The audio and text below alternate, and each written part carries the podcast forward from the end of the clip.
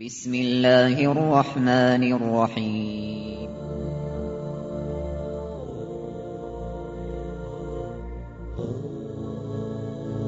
الرحمن العزيز الرحيم القوي السلام الكريم العظيم البصير العليم الحكيم الجبار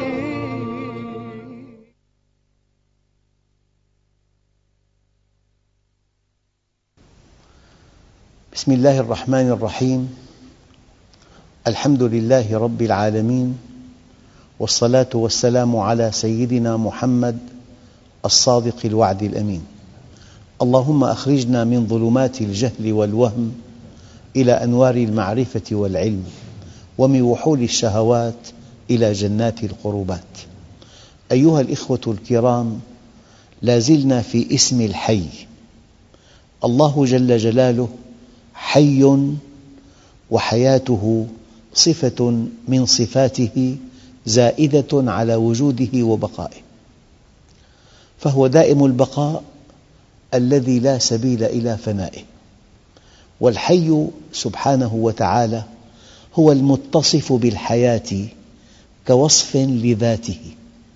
الحي اسم ذات.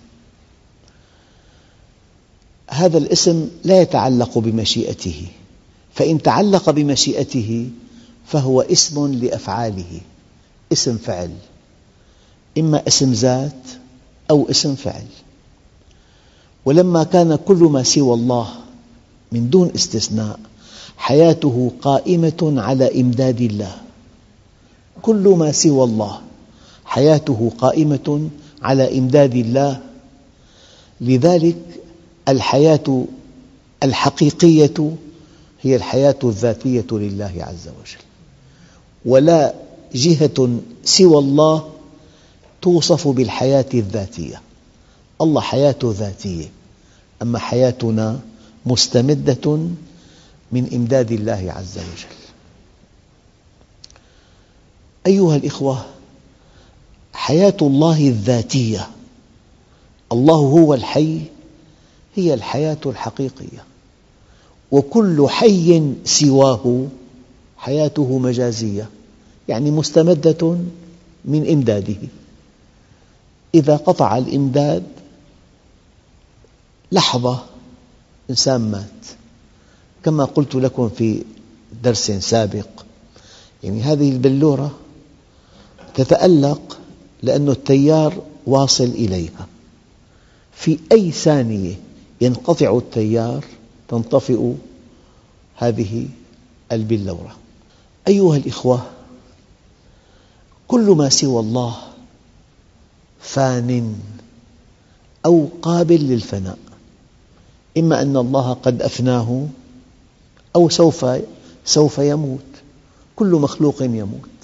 كل مخلوق يموت. ولا يبقى إلا ذو العزة والجبروت. والليل مهما طال فلا بد من طلوع الفجر والعمر مهما طال فلا بد من نزول القبر. وكل ابن أنثى وإن طالت سلامته يوما على آلة حدباء محمول. فإذا حملت إلى القبور جنازة فاعلم بأنك بعدها محمول. لأن كل مخلوق حياته مستمدة من إمداد الله. فكلمة حي تعني في الوقت نفسه أنها اسم ذات واسم فعل.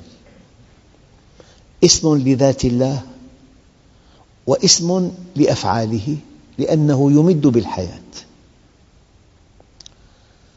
أيها الإخوة لذلك الموحد يدعوك إلى أن تعتمد على الله وحده لأن وحده الحي الذي لا يموت.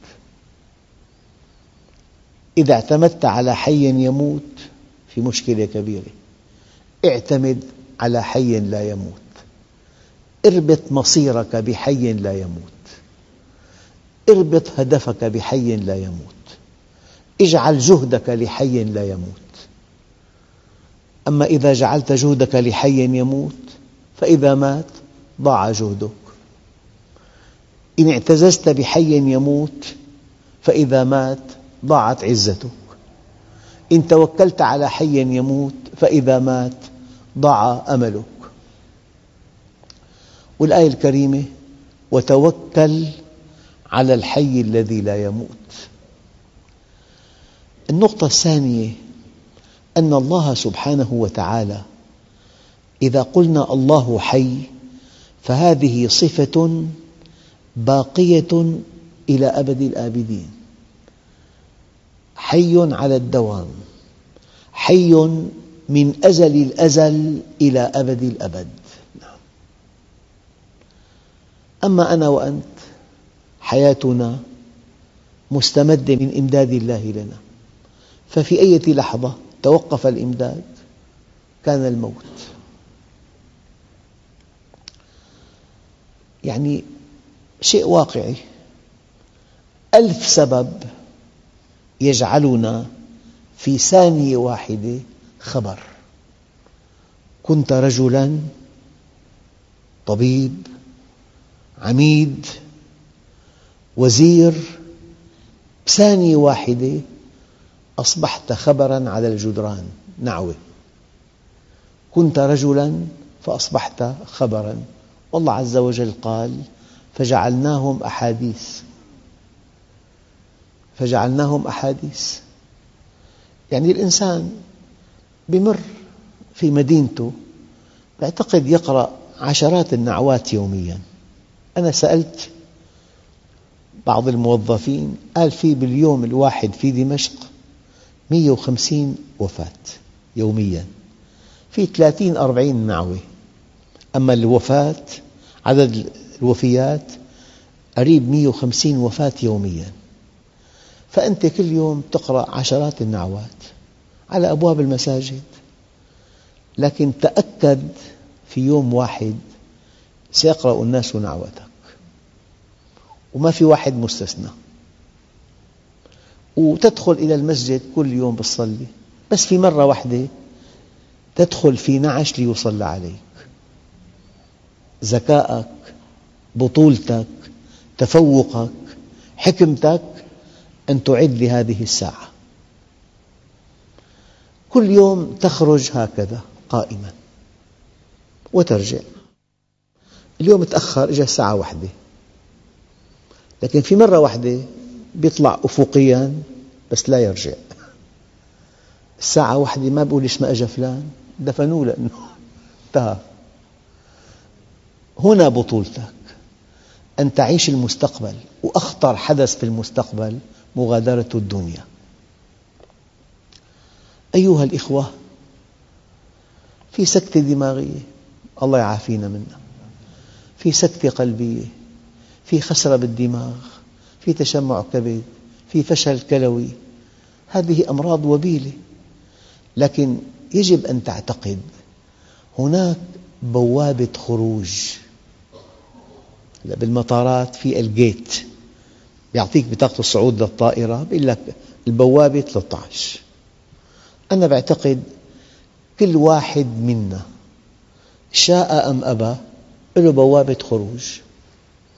هذا بوابة خروجه من القلب هذا من الرئتين هذا بحادث سير هذا بورم خبيث لا سمح الله.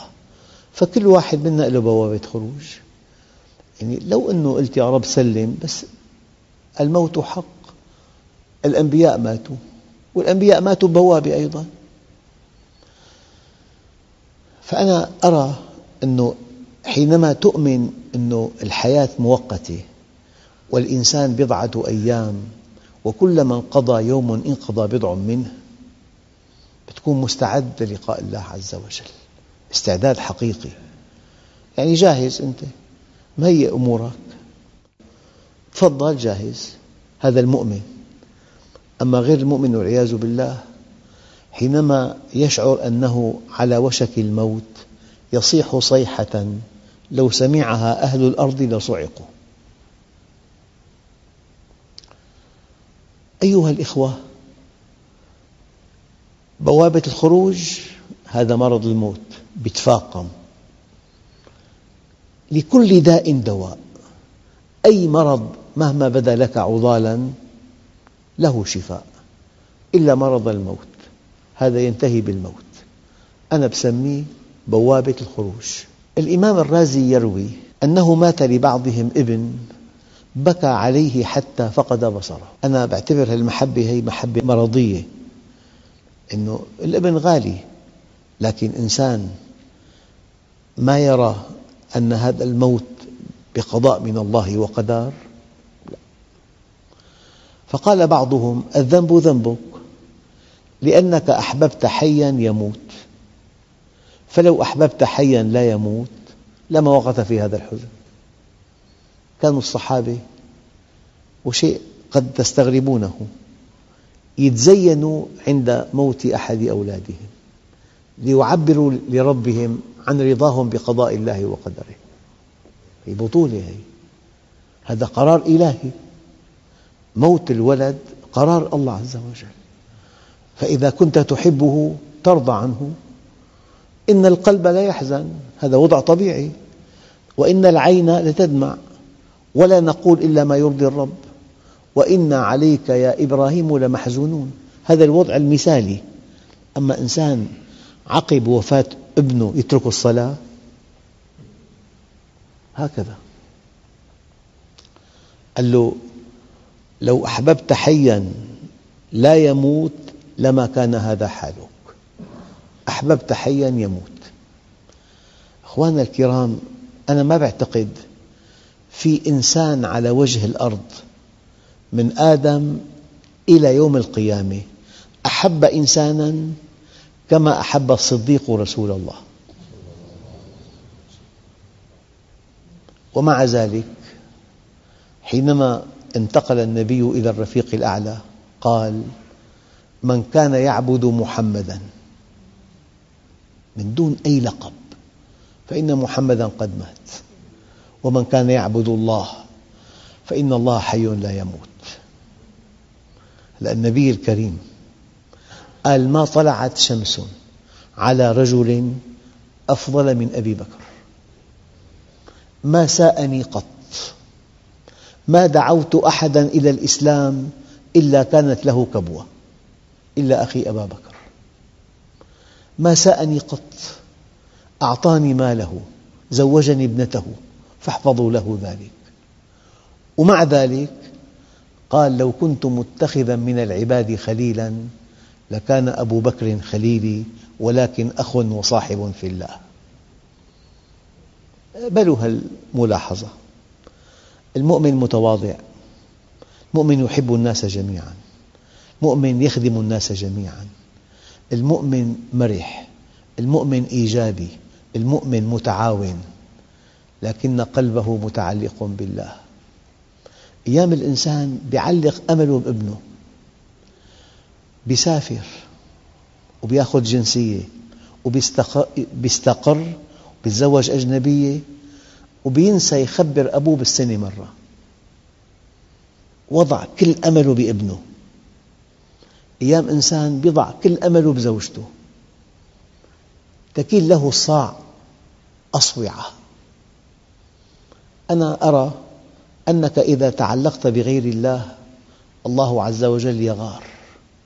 لذلك يلهم هذا الذي تعلقت به ونسيت الله. أن يكون معك لئيما. من اعتمد على ماله ضل. من اعتمد على أي جهة سوى الله ضل وذل.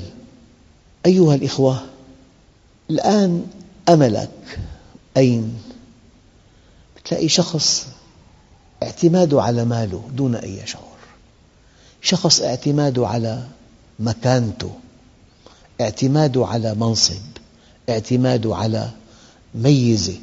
هذا الاعتماد أحد أنواع الشرك. اعتمد على الله. إن أردت أن تكون أغنى الناس فكن بما في يدي الله أوثق منك بما في يديك.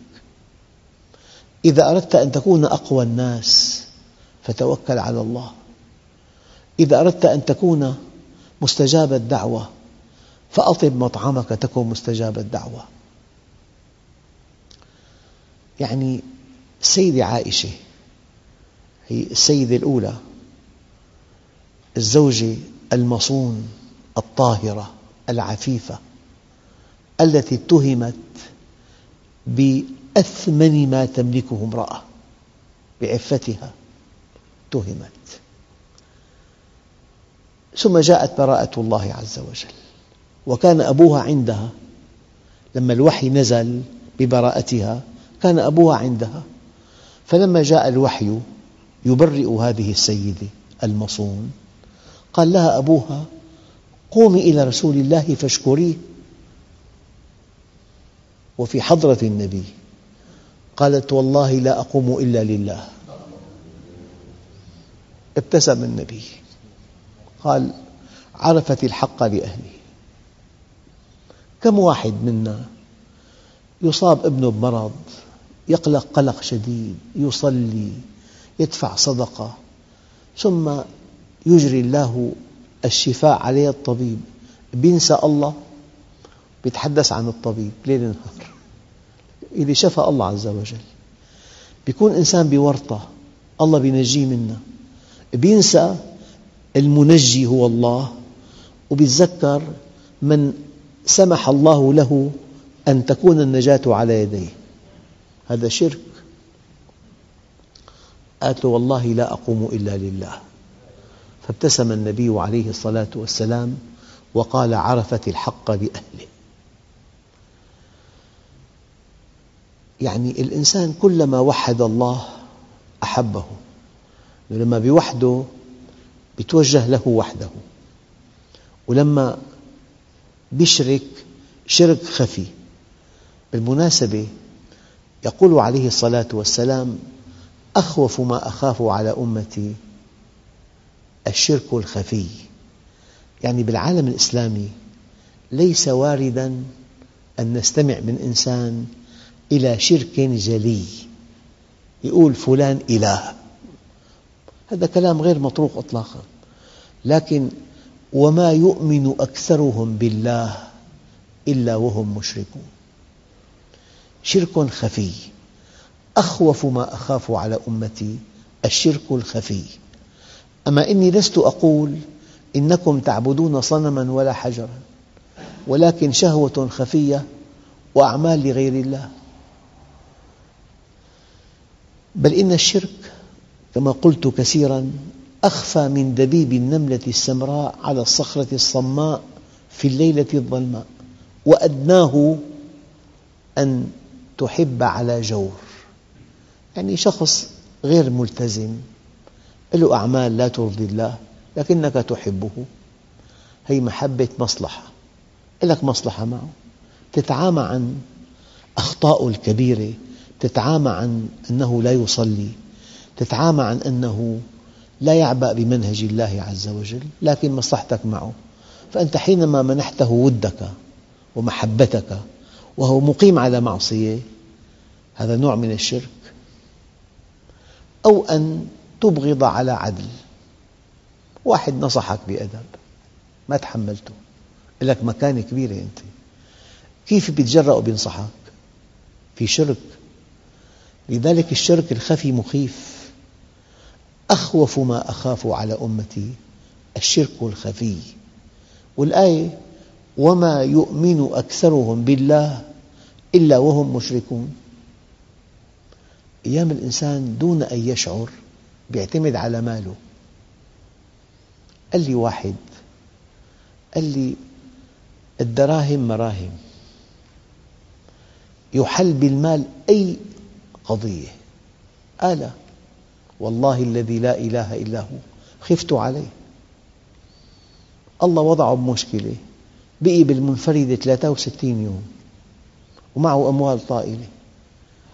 يقول لي وكل دقيقة أنا بالمنفردة قول المال الدراهم مراهم. وضعه بمشكلة الله عز وجل. المال لا يحلها. فإياك أن تعتز بغير الله. إياك أن تتكئ على غير الله. إياك أن تتوكل على غير الله. الله عز وجل يغار. يغار أن تتجه إلى غيره. فإذا اتجهت إلى غيره جعل هذا الغير يتنكر لك. لذلك هذا الموضوع ينقلنا إلى ما يسمى بالحب في الله والحب مع الله. الحب في الله عين التوحيد. تحب الله وتحب رسول الله وتحب أصحاب رسول الله جميعاً وتحب التابعين وتابعي التابعين.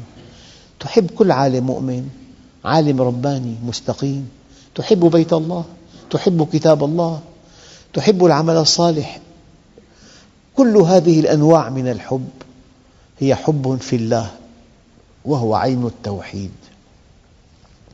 أما في حب مع الله. الحب مع الله عين الشرك. تحب إنسان غير مستقيم لكن مصلحتك معه كبيرة. يجي مندوب شركة وأنت وكيلة ودخلك فلكي لكن طلب خمر. مضطرين يا أخي. يجي بالحسابات ثمن خمر. أجا المندوب ضيفه خمر.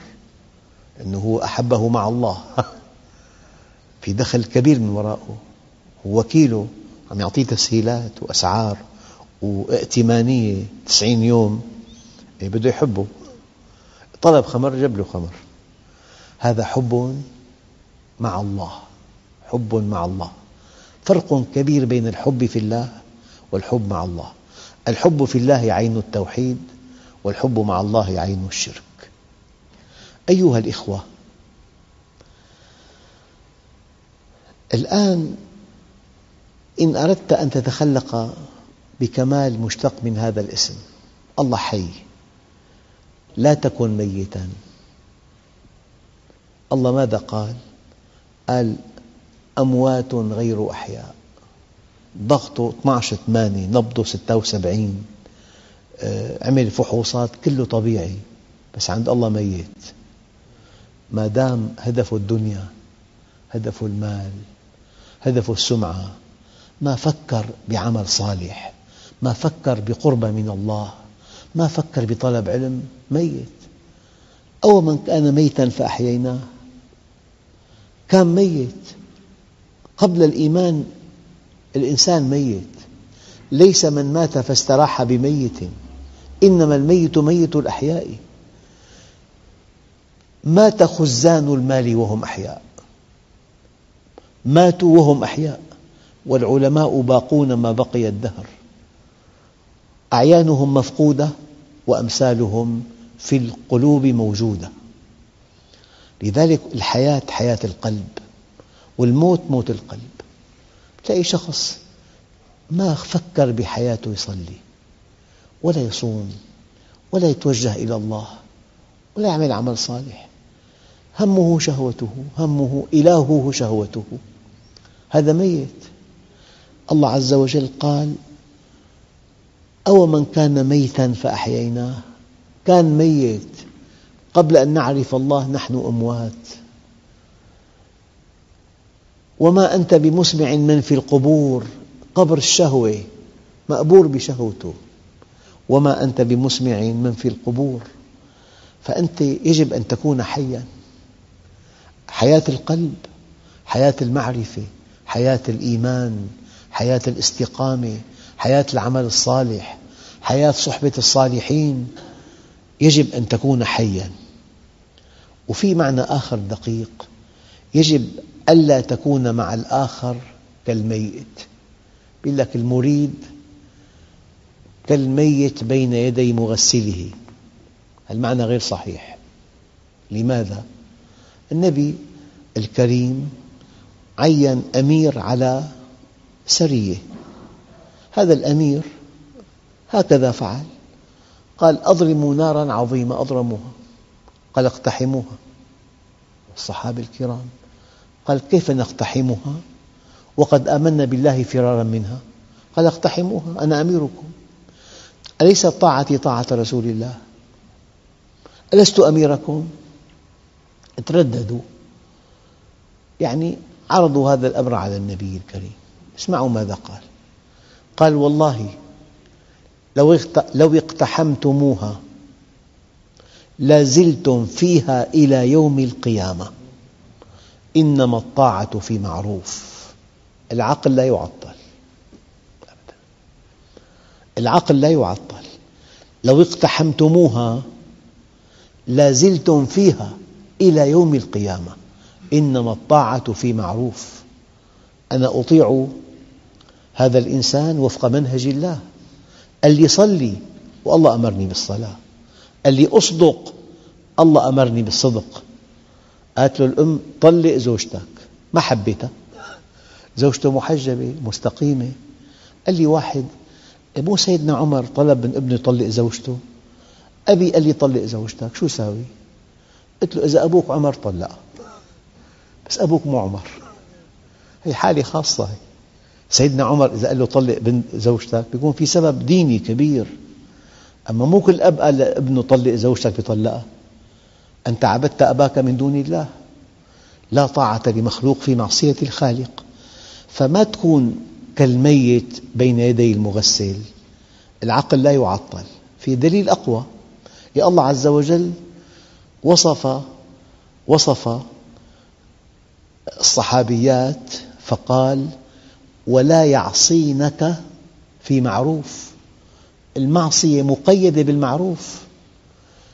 ما في معصية مطلقة. ولا يعصينك في معروف. والله لو اقتحمتموها لازلتم فيها إلى يوم القيامة إنما الطاعة في معروف. إذا التخلق بهذا الاسم العظيم يعني أن تكون حياً بمعرفة الله حياً بطاعتك له حياً بقربك منه وأن تكون حياً ولست ميتاً بين يدي القوي أو أي إنسان آخر. لك عقل بتراجع أمورك لا تقبل أن تكون خطأ لإنسان. هو قال لي وإذا قال لك لا ترضى. لو اقتحمتموها لازلتم فيها. هذه القصة بالبخاري ومسلم وردت هذا منهج. هيك خضوع أعمى. ما في. والحمد لله رب العالمين. بسم الله الرحمن الرحيم. الحمد لله رب العالمين. والصلاة والسلام على سيدنا محمد الصادق الوعد الأمين. اللهم أعطنا ولا تحرمنا. أكرمنا ولا تهنا.